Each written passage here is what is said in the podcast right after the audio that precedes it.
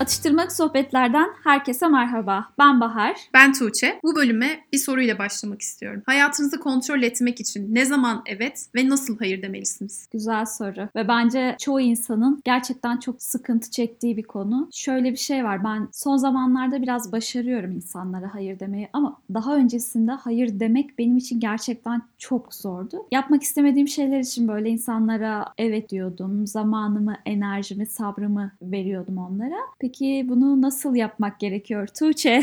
Bir anlat bakalım bize. O zaman söz bende. Bu herkesin gerçekten hani benim de senin de çok zorlandığı Zamanında bununla ilgili de sıkıntı yaşadığımız konular aslında. Çünkü bu konu aslında bir kitaptan yola çıkarak anlatacağımız bir konu. Bu da Sınırlar isimli bir kitap. Ve biraz önce size sorduğum soru aslında kapağında yer alan bir soru ve ikimizi de cezbeden soru buydu zaten. Hani bu kitabı alıp okumalıyım dedirten bir soru. Şimdi bu kitaptan bir örnekle başlayacağım. Sınırların olmadığı bir gün nasıl olabilir? Şu an tabii insanların kafasında şöyle bir şey de dönüyordur. Yani evet hayır demekle sınırların ne alakası var gibi düşünüyor olabilirsiniz. Ama bu sınırların olmadığı bir günü anlattıktan sonra biraz daha kafanızda oturacağını düşünüyorum. Buradaki ana karakterimiz bir kadın. Hem anne hem eş hem de çalışan bir kadın. Oo, combo. en sevdiğim. Ve hayatta yapması gereken pek çok görevi var haliyle. Ve güne saat 6'da başlıyor ve kafasında bir sürü aslında soruyla ve yapması gereken şeylerle uyanıyor. Sürekli böyle kafasında bir yapılması gerekenler listesi var yani. Aynen öyle. Bir taraftan çocuklarını kahvaltıya hazırlaması gerekiyor. Onları uyandırması lazım. Eşi işe gidecek ama bir taraftan kendisinin gün içinde yapması gereken işler var. Onları ne zaman nasıl yapacağıyla ilgili kafasında deli sorular dönmekte.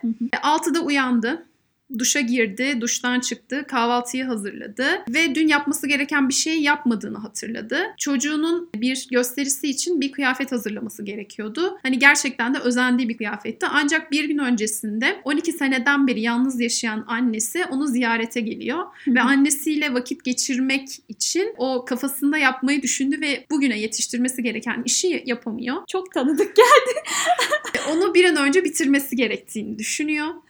E, sonrasında çocuklarını kahvaltıya kaldırıyor. Hı hı. Bir taraftan da eşi asabi bir şekilde daha öncesinde kaldıramaz mısın çocukları geç kalacaklar diyor. Evde tam bir böyle kaos ortamı. Aynen öyle. Çocuklar kahvaltılarını yapıyorlar ve neyse ki zamanında servise yetişiyorlar. Eşi de çıkıyor. E, bu sefer kendisi de hazırlanıp işine gidiyor. Aslında işini seven bir kadın. İşinde de başarılı. Hı hı. Moda sektöründe çalışıyor. Aslında bu bu kitabın yazarlarının bir danışanı. Hani bu kitapta bir, biraz sonrasında da bahsedeceğim hani örneklemeler de yapacağız. Örneklerde bahsedilen hepsi aslında danışanlar ve gerçek hikayeler. İşine gitti. Öğlene kadar herhangi bir sorunla karşılaşmadı. Tam yemeğini yemeye çıkacakken bir telefon geliyor. Bu da çok hayatından şikayet eden ve sürekli yakınan bir arkadaşı. Bir taraftan şöyle düşünüyor. Ya sürekli onu dinliyorum. Sürekli bir şikayet halinde. Aslında dinlemek istemiyorum diye düşünüyor ama sonra vicdan var ya bir iç ses Evet. Nasıl böyle düşünürsün? Tabii ki arkadaşına yardımcı olmak zorundasın. Bencillik yapamazsın diyor ve arkadaşını dinliyor. Tabii ki öyle saati de güme gitmiş oluyor. sonra öğleden sonra da oğlunun okulda sorunları olduğu için öğretmeniyle e, görüşmeye gitmesi gerekiyor ve işlerini ona göre ayarlıyor. Tam çıkacakken yöneticisi geliyor ve umarım zamanım vardır. Şöyle şöyle bir iş var ve onu yetiştirebilir misin? Böyle bir durum olduğunda ilk aklıma gelen sen oluyorsun. Yaparsan sevinirim diyor. Tabii ki yine düşünüyor ya hep böyle yapıyorsun. Ben bu raporları sana iki hafta önce vermiştim. Bunun işte düzenlenmesi gerekiyordu. Ama sen hep başkalarına yaptırıyorsun diyor iç sesi. Ama sonrasında ha tabii ki yaparım. Kaça yetişmesi gerekiyor? 9'a tamam saat 9'a kadar hallederim diyor ve çıkıyor. Oğlunun öğretmeniyle görüşmeye gidiyor. Tabii ki eşi izin alamadığı için gelemiyor. Hı hı. Ve öğretmeni çocuğun hani hareketli olduğunu, kurallara uymadığını söylüyor. Yani kurallarla ilgili bir problemi var. Bununla ilgili sınıfta sıkıntı yaşıyoruz diyor. Annesi de dikkat eksikliği var öyle bir şey olabilir mi ondan mı kaynaklı diye soruyor. Öğretmen diyor ki geçen seneki öğretmeniyle de konuştum o da böyle bir test yaptırmış öyle bir sıkıntısı da yok. Hı hı. Acaba evde mi bir sıkıntı yaşıyor da bunu hani okula bu şekilde yansıtıyor diye annesiyle konuşuyor öğretmen. Ve bir anda annesi zaten o kadar dolmuş ki ağlamaya başlıyor. evet evde biz de sıkıntı yaşıyoruz. Babasıyla üstesinden gelmeye çalışıyoruz ama olmuyor bir türlü diyor. Sonra evine gidiyor. Bir taraftan yemek hazırlamaya çalışıyor. Çocuklarıyla ilgilenmeye çalışıyor. İşlerini bitirip bir an önce de o yöneticisinin Kendi verdiği işini işi yapması gerekiyor. Yemeği hazırlıyor, sofra hazır. Çocuklarını ve eşini çağırıyor ama bir türlü gelmiyorlar. Sürekli bu devam eden bir şey. Neyse yemeğe oturuyorlar. Kadın tabii bir taraftan şunu düşünüyor. Hani yemeklerim mi kötü? Yok yemeklerim de iyi aslında. Oturduklarını hemen yiyorlar ama niye sürekli geç geliyorlar? Sürekli onları çağırmam gerekiyor diye düşünüyor. Yemeklerini yerken yine bir tanıdığı arıyor. Böyle bir etkinlikle alakalı bir mekan ayarlanması gerekiyormuş. Hı hı. Onunla ilgili de bunu başvuruyorlar bu kadına. Aslında kadın bu işi yapmak istemiyor. Sonrasında tabii ki iç ses diyor ki Ay öyle bir şey olur mu? Tabii ki yardımcı olman lazım. Tabii ki ben hallederim diyor. Onu da karşıdaki üstlendi. ses aynen karşıdaki ses gayet memnun bir şekilde telefonunu kapatıyor. Kadının bir günü böyle geçiyor. Hı hı. Şimdi burada nerelerde sıkıntı var? Dikkat çeken yerler nereler? O kadar çok ki sıkıntı. ya şöyle şimdi yapmak istemedik şeyler var. Öncelikle benim dikkatimi çeken mesela öğle arasında arkadaşı arıyor ya da işte akşam birisi arıyor. Şunu sen yapar mısın diyor ya da işte arkadaşı derdini anlatıyor. Ama o an onu dinlemek istemiyor mesela ya da işte belki enerjisi yoktur. Enerjisi o kadar yüksek değildir. Dinlemek istemiyordur. Zamanı yoktur. Sabrı yoktur. Bu böyle olduğu zaman o insanı bence kötü arkadaş yapmaz yani. Ama- Kadın muhtemelen Evet. hani kötü arkadaş olmamak için, kötü çalışan, kötü şu, kötü bu olmamak için her şeye evet diyor. Kendisine yüklenen her şeyi kabulleniyor. Onu sorumluluğuna alıyor. Ama bir şeyi yapmamak, istemediğin bir şeyi sabrının, gücünün olmadığı bir şeyi yapmamak bence kötü yapmaz yani insanı. Ama belli kalıplar var ya maalesef insan Hı hı. hayatında. Oradan duyduğumuz, başka bir yerden öğrendiğimiz, ebeveynlerden gelen, aileden gelen. Tabii. Ee, onlar hani bir şekilde bizim içimize yerleştiği için hani onun doğru olduğunu düşünüp ona göre davranmaya çalışıyoruz. Aslında bazen iç sesimiz bizi uyarıyor. O kadında olduğu gibi. Bunu ilişkiler bölümünde konuşmuştuk uzun uzun. Keşke dinleseymişiz diyorduk ya o ilk sesimiz. Ama Yine geldik iç sese. aynen ama o iç sesi de bastırıyoruz.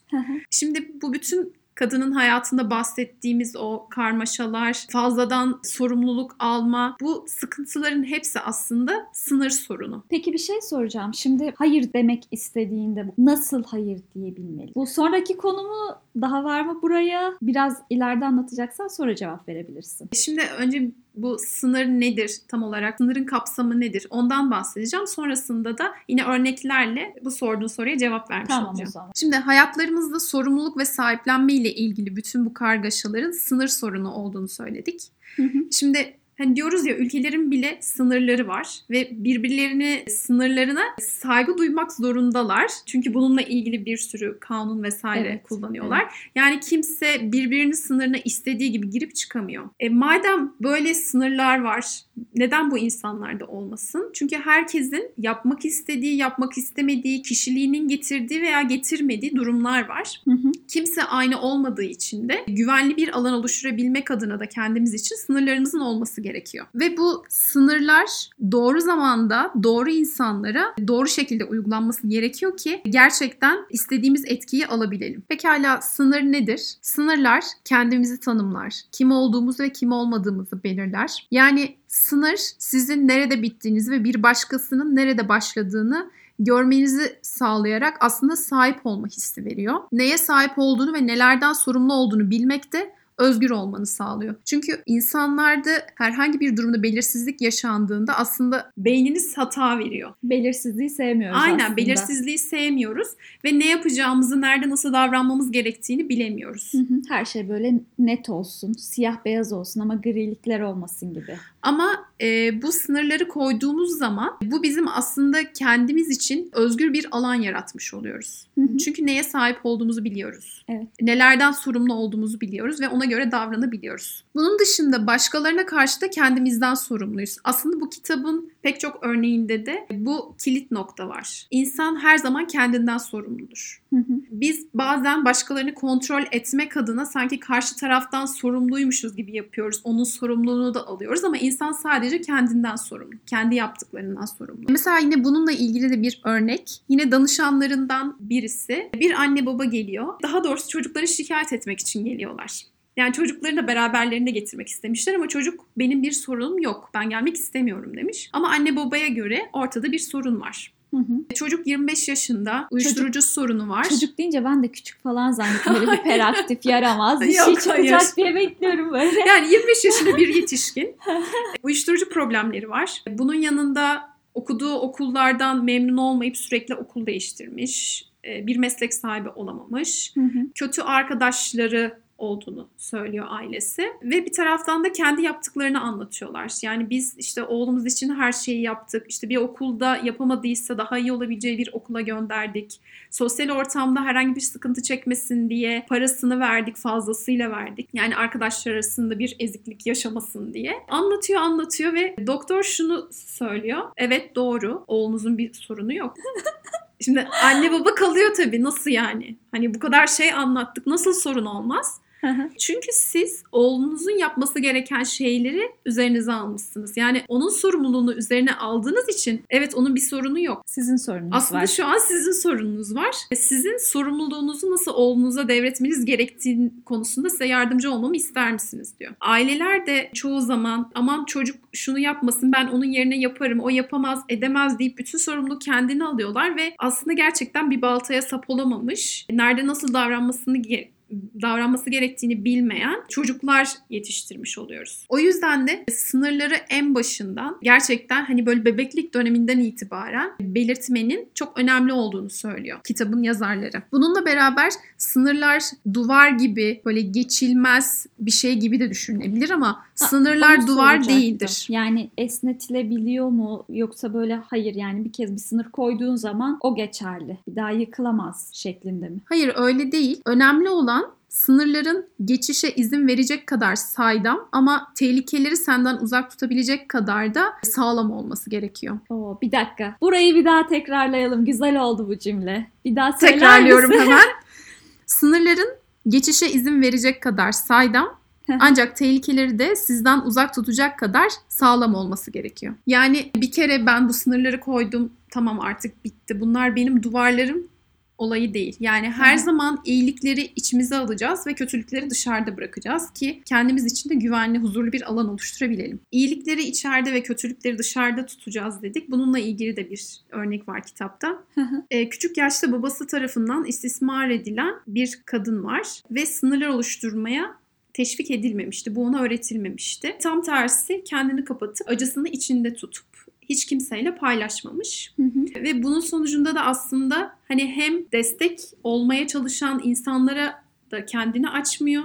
O desteği yani iyiliği içine almıyor. evet. Ama bir taraftan da istismar edilmeye devam ediyor. Çünkü tehlikelere karşı da bir sınırı yok. O yüzden hani biraz önce söylediğimiz cümleleri iki kere tekrar ettik ya. Hani olay dediğimiz gibi hani iyiliklerin içeride, kötülüklerin dışarıda kalması ve bunu sağlayacak e, şekilde sınırların da kapıları olması gerekiyor. hani full geçilmez gibi bir durum söz konusu değil. Şöyle bir örnek vermek istiyorum. Mesela istismar konusu açıldığı için çocukların cinsel eğitimleriyle ilgili baktığım zaman mesela şey diyorlar. Bir çocuk 2 yaşında 3 yaşında olabilir. Hani belki 1 yaşındadır falan böyle. Ne kadar küçük olduğu fark etmez. Sarılmak mı istiyorsun, öpmek mi istiyorsun? Ben annesi değilim sonuçta çocuğun. İzin alın, ona sorun. Sana sarılabilir miyim? Seni öpebilir miyim? Çünkü yani bizim toplumumuzda nedir? Tutarsın çocuğu. Şapur şupur öpersin yani. Çocuk istemez ittirir falan ama yani çocuğun sınırlarını ihmal etme. Sen iyi niyetle öpüyorsun iyi niyetle sarılıyorsun belki ama herkes böyle yaklaşmayabilir. Çocuk tehlikeli durumu algılayabilsin. Sonra işte mesela güzel bir örnek var. Diğer bir örnekte çocuğun odasına girerken mesela kapıyı tıklat girmek. Orası onun sınırı. Annen olsan da baba olsan da kapıyı tıklat gir. Onun sınırını ihlal etme. Aslında bu şeyden geliyor ya küçüklükten gelen gelen bir şey. Küçüklükte o sınırlar oluşmuşsa yetişkinlikte daha sağlıklı ilişkiler, sağlıklı iletişimler kurulabiliyor. Ama o sınırlar ne kadar ihlal edilmişse, ne kadar böyle laçkalaşmışsa ileride daha böyle sıkıntılı şeyler meydana gelebiliyor. Aslında çevremizde de o sıkıntılı insanlara çok denk geliyor. Sonuçta biz de öyle şeyler yaşıyoruz. Tabii tabii. Ama hani kitabı okuduktan sonra ve hani örnekleri böyle gözümde canlandırdıktan sonra aa evet diyorum yani ben de böyle bir sıkıntı yaşıyorum. Demek ki bana da böyle bir şey öğretilmemiş. Hı hı. Öğretilmiş olsaydı şu an böyle bir sıkıntı yaşamazdım diyorum. Ya da gerçekten problemli olan insanları gördüğümde bunlar zamanında böyle yapılmamış. İşte annesi babası artık her neyse böyle bir şey öğrenmemişler ve şu an bununla ilgili böyle bir sıkıntı yaşıyor. Hani bunu bile e, analiz etmeye başladı. Değil mi? Böyle algıda bir seçicilik Aynen. Algıda seçicilik yani. yaratıyor. Şeyde baktım mesela Ekşi'de olsun, internette olsun yorumlarına baktım böyle. Pek çok insan böyle başucu kitabım diye Evet. değerlendirmiş. Onun dışında özellikle çocuk yetiştiren ebeveynlere mutlaka alın okuyun çocuklarınıza sınırlarını öğretin diye tavsiye etmişler. Güzel bir kitap alın okuyun siz de yani. Şimdi ben bu kitaptan hani böyle örnekler veriyorum, biraz detaylı anlatıyorum gibi ama Bu arada Ee, ben de bitirmedim daha. Kitabı. ama çok da spoiler vermemeye çalışacağım aslında. Çünkü gerçekten anlattığım şeyler özeti niteliğinde. Ee, hani oldukça da böyle kalın bir kitap ve gerçekten alınıp okunulması ve rehber niteliğinde olabilecek bir kitap. Şimdi sınırın ne olduğunu söyledik. Sınır örneklerinden bahsedeceğiz. Hı hı. Sınır örnekleri de en temeli deri. Derimiz nedir? En temel sınırımızdır. Neden? Çünkü bütün vücutla ilgili işte organlarımızı, kanımızı, damarlarımızı her şeyi çevreliyor ve bir koruma sağlıyor. evet. Yani iyiliği içeride, kötülüğü dışarıda tutmuş oluyoruz. Hı hı. Bunun dışında kelimeler ve en önemlisi de hayır. Hayır diyebilmek çoğu zaman zor geliyor. Neden? Karşımızdakini incittiğimizi düşünebiliyoruz. Ya da hayır desek belki e, bizimle iletişimini kesecek. Kaybetme korkusu yaşıyoruz. Evet. Ya da olumsuz sonuçları olabileceğini düşünüyoruz. Belki cezalandırılma, belki şiddet vesaire. Hı hı. O yüzden de hayır demektense uyumlu davranmayı tercih ediyoruz. Belki de çok böyle uyumlu davranan insanlar içinde başka fırtınalar yaşıyor olabilirler aslında. Hı. Onun dışında gerçekler. Şöyle bir cümle var. Yaşam ve doğa hakkındaki gerçekleri bilmek size sınırlar koyarak doğanın sınırlarını görmenizi sağlar. Nasıl yani? Biraz daha açıklar mısın? Yani ne ekersek onu biçiyoruz aslında. Doğanın da kendi sınırları yok mudur? Mevsimlerini mevsimleri düşünelim. İşte sıcaklıkları düşünelim. Ya da doğanın kaldırabileceği belli bir karbon salınımı vardı ama biz bu sınırı çoktan aştığımız için küresel ısınmayla karşı karşıyayız. Yani yapmamız gereken bir şey yaptık. Sınır ihlali oldu aslında. Ha, sınırları ihlal edersen sonucuna da katlanmak zorundasın Aynen. mi? Çünkü biz onu görmezden geldik aslında. Hani yapmamız gereken bir şeydi. Ve doğanın buna nasıl te- tepki vereceğini, sonuçların ne olacağını görmezden geldik ve şu anki durum ortada zaten. Aynı şekilde kendiniz için de kendi sınırlarınızı bilirseniz, hani neye nasıl tepki vereceksiniz, yaşamınızı nasıl sürdürüyorsunuz, Hı hı. Bu sınırları bilip hani ona göre davranırsanız, onunla uyumlu bir şekilde yaşarsanız zaten olumsuz sonuçlarla da karşılaşmamış olacaksınız. Şöyle sanırım biraz da böyle fiziksel sınırlardan da bahsetmek gerekiyor burada. Yani kapasiteni bilip işte vücudunun kapasitesini bilip ben mesela 8 saat uyuyan bir insanım. 4 saat uyuyacağım diye kendime eziyet etmenin anlamı yok. Yani 4 saat Evet, uyuyacağım diye mesela. kendimi Aynen. zorlarsam metabolizmam işte zayıflayacak, bağışıklık sistemim zayıflayacak, baş ağrısı şu bu falan filan ya da işte bir sürü şey yani. Fiziksel sınırları da iyi bilip ona göre yaşamak gerekiyor aslında. Aynen öyle. Üçüncü olarak da pardon dört oldu. Ee, fiziksel uzaklık. İstemediğimiz bir durumdan kendimizi nasıl alıkoyarız? Fiziksel bir uzaklık koyarak. İşte herhangi bir durumdan, herhangi bir kişiden olabilir. Hı hı. Herhangi bir yerden. Ee, hani orada olmak istemiyorsak, bizi rahatsız eden bir durum varsa hani fiziksel uzaklık koyabiliriz. Toksik insanları hayatınızdan çıkarın gibi bir şey yani. Aynen. Yine detoks yapıyoruz yani. Bu sayede de sınırlarınıza esneklik getirdikten sonra çünkü bu sınırlarınızı korumanıza yardımcı oluyor fiziksel uzaklık. Fiziksel, duygusal ve manevi olarak da yenilenebilirsiniz. Yani sürekli örneğin kişiden bahsedersek size zararı dokunan, sizin sınırlarınızı ihlal eden birisi ve siz sürekli onun yanında kalmaya devam ederseniz siz yenilenemiyorsunuz. Çok güzel bir örneğim var burada. Kendim. ben kendim bizzat şahsen bunları yaşadım. Çalışma hayatında olsun. Sonra istifa ettikten sonrasında okulda olsun. O kadar böyle hani zor insanlar. Bir de yani ben bilmiyorum seçiyor muyum artık onlar mı beni buluyorlar ne oluyorsa. Egosu yüksek insanlar vardı çalışma hayatımda da tez hocam da dahil olmak üzere diyeyim. Dediği gibi, ifade ettiği gibi bu insanlar etrafımda sürekli olduğu zaman ben mi acaba deyip bir soru işareti koyuyordum. Halbuki bende bir sıkıntı yok. Onların egosu fazla. Onların sınırları benim sınırımı daha böyle ihlal etmeye yönelik sınırlar. O yüzden sürekli böyle okları bir kendime çeviriyordum. Ama işte istifa ettim. Okuldan atıldım. Yüksek lisanstan atıldım. Şimdi evdeyim. Çevremde sevdiğim insanlar var. Ailem, arkadaşlarım, eşim var. Fiziksel uzaklıklar olduğu için ben gayet rahat, kafam iyi, böyle mutlu, mesut, huzurlu bir şekilde yaşıyorum yani. Hayatında bir es vermiş oluyorsun. Tabii tabii. Ama gerekiyor bu yani. Bir diğer sınır örneği ise zaman. Benim bir türlü çözemediğim bir konu. Bu arada arkadaşlar zaman yönetimi, zaman kontrolü artık ismine ne derseniz bu konuda tecrübeliyseniz lütfen bana bir ulaşın ya. lütfen bir el verin ya. ya da biz zaman yönetimiyle ilgili araştıralım, çalışalım. Bununla ilgili bir bölüm yapalım. Karşılıklı paslaşalım artık. O da güzel bak. Şimdi devam ediyorum. Bir evet. kişi veya göreve zaman harcamayı bırakmak, hayatınızda sınırlarınızı oluşturmanız gereken ve kontrolün elinizden çıktığı durumlarda kontrolü tekrar elinize almanızı sağlayabilir. Mesela şöyle bir örnek veriyor. Anne ve babalarından duygusal ve fiziksel olarak daha önce hiç ayrılmamış olan yetişkin çocukların sıklıkla kendi başlarını geçirecekleri zamana ihtiyaçları vardır diyor. Çünkü sürekli anne babayla iç içeler, sürekli hani bütün hayatlarını e, ailelerini kucaklayarak, sarılarak geçirmişler.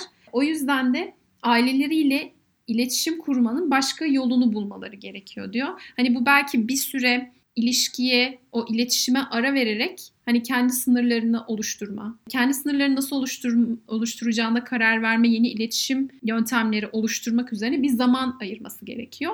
Belki bu sürede diyor ailelerine evet yabancılaşabilir ama geri döndüğünde çok daha sağlıklı bir iletişim kurmuş olacaklar. Tabii bir de sürekli anne babayla olunca anne babanın o korumacı tavrının gölgesinde olacak. Kendi sınırlarını da bilemeyecek, keşfedemeyecek o esnada. Bir diğeri de duygusal mesafe. Hı hı. Duygusal mesafe de kalbinize güvende olmak için ihtiyaç duyduğu alanı veren geçici bir sınırdır. Kesinlikle kalıcı bir şey değil bu. Yani mesela istismar edilen ilişkiler içerisinde eşlerden biri e, bir süre duygusal mesafe koyabilir. Hı hı. Koyması da gerekir diyor kitapta. Çünkü kendi sınırlarını koruması, kendini güvenli bir ortama alması gerekiyor. Hani hı hı. yenilenebilmesi için, hayatına bir es verebilmesi için bu duygusal mesafeyi yapması gerekiyor ama hani bu hem kontrolü aslında kendine almış oluyor hem de yeniden bu mesafe sonrasında bir araya geldiğinde karşıdakiyle daha sağlıklı bir iletişim kurmuş oluyor. Şimdi şöyle bir musibet bir nasihattan iyidir derler ya.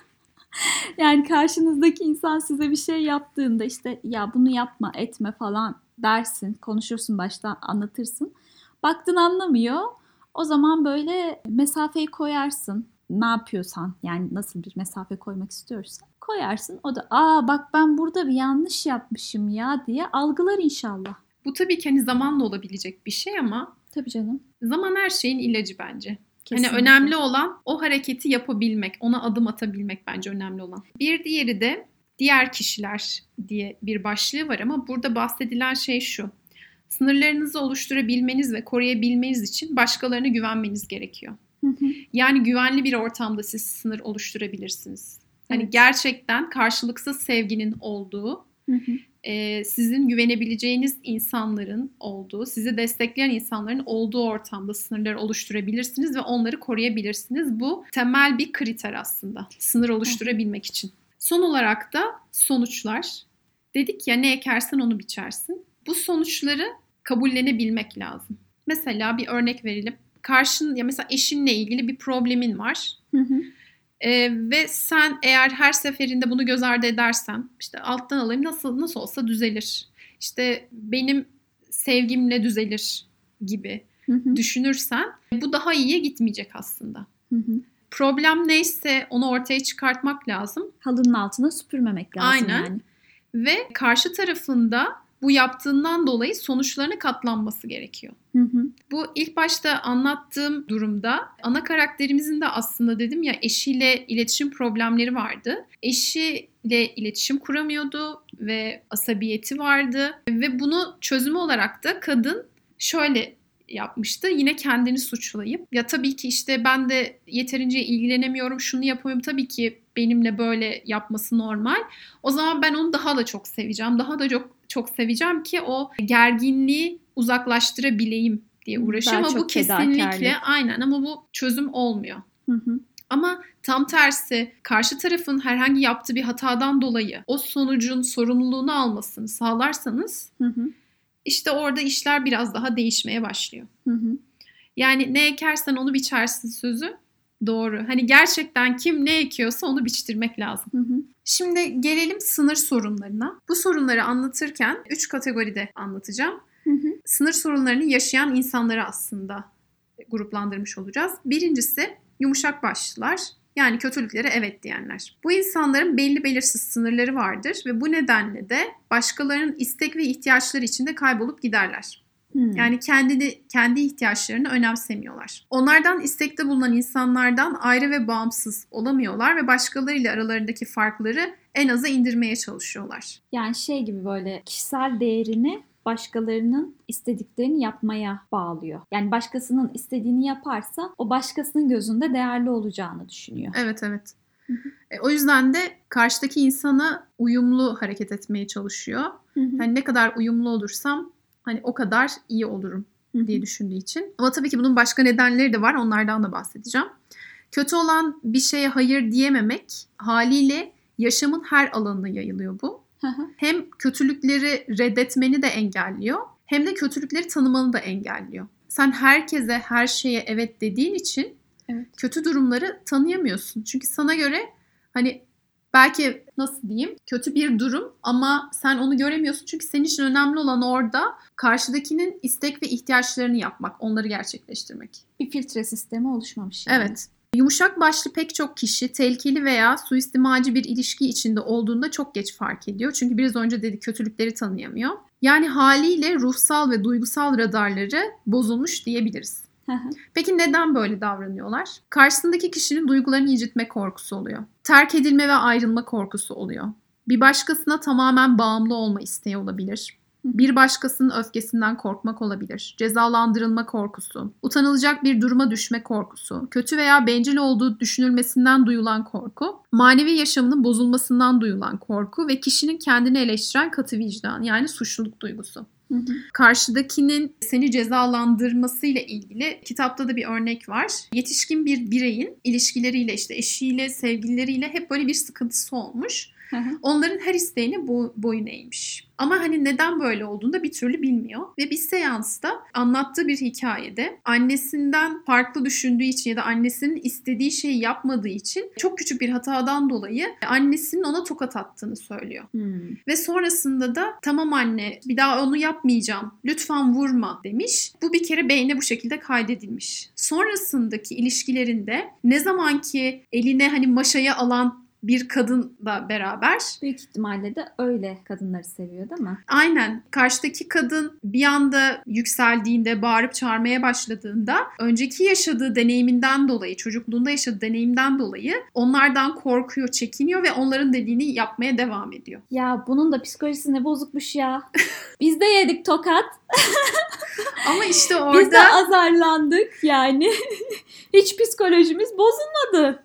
Ama bu hani bir kereye mahsus bir şey değildi büyük bir ihtimalle. Hani Hmm. süre gelen bir Olabilir. durumdu ki aklında böyle bir şey kalmış ve annesinden korktuğu için aslında hayatına giren bütün kadınlardan da korkmuş ve cezalandırılmamak adına belki de hani ilişkiyi kaybedecek, cezalandırılacak. O yüzden onların isteğine boyun eğiyor. Hı hı. İkinci grupta kaçınanlar yani iyiliklere hayır diyenler. İyiye hayır demek başkalarından yardım isteyememek, kendi ihtiyaçlarının farkında olmamak. Kaçınan kimselerin hiçbir şeyi geçirmeyen sınırları ve onların kendi doğalarından kaynaklanan ihtiyaçlarına yanıt verebilmelerini engelliyor. Sonuçta hani hepimiz insanız. Bağlanmaya ihtiyacımız var, iletişim kurmaya ihtiyacımız var, Hı hı. işte sevgi görmeye, destek görmeye ihtiyacımız var. Ama bunları talep etmiyorsun. Çünkü dedik ya sınırların aslında iyilikleri geçirecek kadar saydam, kötülükleri geçirmeyecek kadar da sağlam olması gerekiyor. Bu kaçınanlarda sınırları bir duvar gibi kullanıyorlar aslında. Hiçbir şekilde hani iyiliği içeri almıyorlar. Bu biyolojide şey vardı ya seçici geçirgen. Hücre duvarı, hücre, Hücre zarı. duvarı. Evet, evet. Öyle olmak gerekiyor. Aynen. Seçici geçirgen. Bakacaksın. Tamam sen geç. Baktın kötü geçme. Bazıları kötüye evet diyerek uysal davranmakta ve iyiye hayır diyerek de kaçınıyorlar. Biraz da şey var sanırım ya ben güçlüyüm. Benim kimseye ihtiyacım yok. Her şeyimi kendim hallederim. Şey vardır ya böyle bazı insanlarda. O bende de vardı. Bazı insanlarda da var. Bende de vardı. Hani ne gerek var? Yıpratıyorsun kendini böyle. Her şeyi her zaman her yerde yetişemiyorsun zaten. Onu Bırak- da işte yaşadıkça öğrenip Aynen görmüş insanlardan oluyorsun. destek al. Yani sonuç olarak hani ihtiyaç duyduğumuz yerde sınırlarımızın olması gerekiyor. Ee, bu bahsettiğimiz kaçınanlarda ise gerekmeyen yerlerde sınırları olduğu için destek göremiyorlar ve iyiliği içeri alamıyorlar. Son grupta denetleyiciler. Bunlar da başkalarının sınırlarına saygı göstermeyenler. Hmm. Çok karşılaştığımız bir konu bence. Tabii canım trafikte, top taşımada, iş yerlerinde, okullarda gittikçe böyle adab-ı muaşer, muaşeret kurallarından böyle bir haber olup Bu denetleyiciler hani başkalarının sınırlarına saygı göstermiyorlar. Hı hı, Aslında kendi yaşamlarının sorumluluğunu da almıyorlar. hı hı. Bunun yerine başkalarını denetlemeye çalışıyorlar.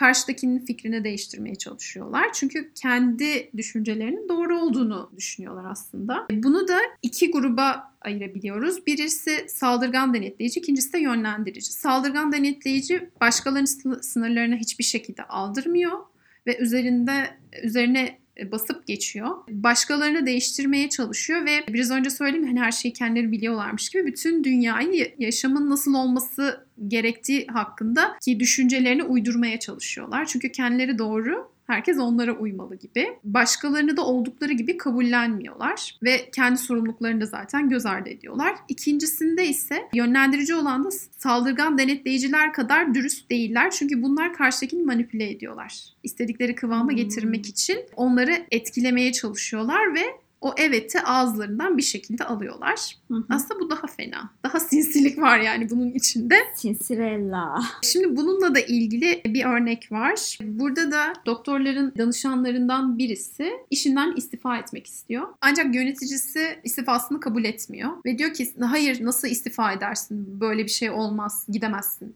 gibi tepkiler veriyor. Hı hı. İstifa etmesinin nedeni de sürekli mesaiye kalmak durumunda kalıyor. Hatta akşam yemeklerinde bile yöneticisi arıyor ve yemeğinden kalkıp e, yöneticisiyle konuşması gerekiyor. Hı hı. Sürekli evinden onu ofise çağırıyor. Artık son noktasına geldiği için istifa etmeye karar veriyor. Ancak karşıdaki kişi de bu istifasını aslında görmezden geliyor. Kabul etmek istemiyor. Çünkü istifa eden kişi onun çok işine yarıyor. Tabii. Onu rahatlıkla çalıştırabiliyor. Hayır demiyor. Aynen. O yüzden de şimdi istifa edip hayır demesini de kabul etmiyor. Hı hı. Ee, ve tam tersi aslında hani bu biraz önce bahsettiğim saldırgan denetleyici haline bürünüyor ve onun sınırını görmezden geliyor. Aslında ezip geçmiş oluyor. Hı hı.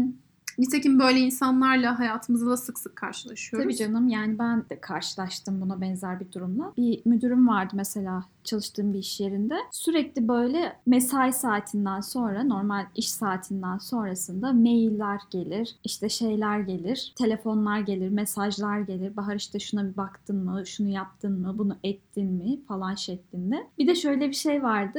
Kendini de çok akıllı zannediyor. Maili mesela gece gönderiyor bak ben çalışıyorum. Sen uyurken ben çalışıyorum algısı yaratmaya çalışıyor. Yani benim işim bitmiş gitmiş orada ya. Zaten çalışıyorum. Sabahın 8'inden akşamın 5'ine 5.30'una kadar. Daha ne yani? Hani doğru düzgün iş planı yap. Sen de daha fazla çalışma. Ben de daha fazla çalışmayayım. Senin belki iş dışında yapacak sosyal bir aktiviten yok. Ama bütün insanlar senin gibi değil ki. İşte insanlar karşıdakinin de kendileri gibi olduğunu düşündüğü için bir de fazla çalışmayı işte günde 20 saat çalışmayı çalışkanlık olarak nitelendiriyor. Yok. Aslında çalışkanlık Geri değil. zekalılık. Roket Aynen. üretmiyorsun yani. Sonuçta roket üretirsin. Çok muhteşem bir şeyler yaparsın. Eyvallah çalış yani. 20 saat abartıyoruz şu an ama hani o kadar uzun çalışıp da dünyayı mı kurtarıyorsunuz? Yok. İşte plansızlıktan e, gelen bir şeyin aslında sorumluluğunu kendisi üstlenmemiş, senin üzerine yıkmaya Aynen, çalışmış. aynen. E, Şimdi en son bu sınır sorunlarındaki gruplardan da bahsettim. Hı hı. Artık bundan sonrası aslında sınırlarımızı nasıl oluşturacağımız üzerine olacak. Bu bölümle beraber sınır sorunlarını nasıl tanıyacağımızı görmüş olduk. Kendi sınırlarımızı nasıl keşfedeceğimizi görmüş olduk. Ancak sınır oluşturmak süreci zorlu ve uzun bir süreç olduğu için Hı hı. bu konuyu daha detaylı bir şekilde aslında anlatmak istiyorum. O yüzden sınırlar konusuna başka bir bölümde yine devam edeceğiz. O zaman bu haftalık bizden bu kadar. Şimdilik hoşçakalın. Hoşçakalın.